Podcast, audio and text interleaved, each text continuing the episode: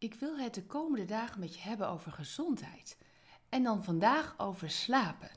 Hoeveel uur per nacht slaap je? Weet je dat? Val je elke avond als een blok in slaap of lig jij te piekeren? Oh, dat is zo erg. Op mijn telefoon kan ik een app activeren die mijn slaapritme bijhoudt. Hoeveel uren slaap ik? Wat is mijn slaapkwaliteit? En zo kan ik zien wanneer ik een diepe en een minder diepe slaap heb. Onderzoek heeft aangetoond dat goed slapen noodzakelijk is voor een goede gezondheid. Een paar nachten slecht slapen laat je concentratie ernstig afnemen.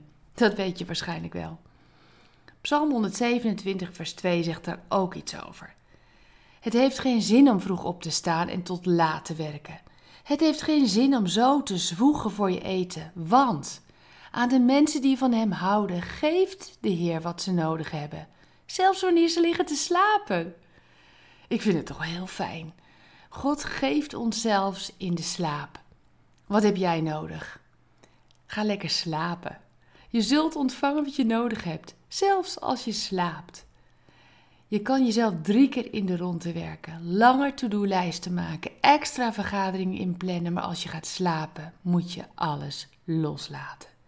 Slapen is het ultieme loslaten. De dag laat je achter je en je geeft je over aan de nacht om vervolgens weer je ogen te openen voor de nieuwe dag die voor je ligt. Baby's doen dat letterlijk. Als ze in een diepe slaap zijn, gaan die beide armpjes omhoog en liggen ze vol overgave in volledige rust. Daar kun je gewoon naar blijven kijken. En Jezus, was hij een goede slaper?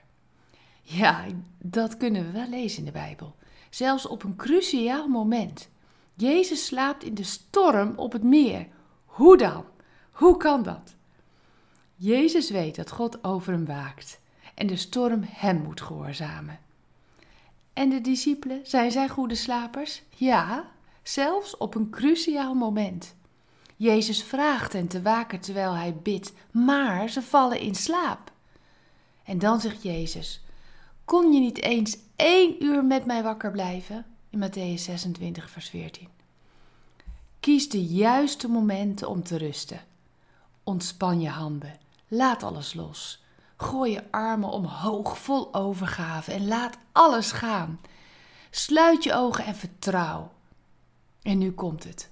God gaat je schenken wat je nodig hebt. Krijg jij al zin om je bedje weer in te gaan? Ik ben benieuwd wat je ontvangen hebt als je morgenochtend wakker wordt. Voor nu of later op deze mooie dag. Slaap lekker.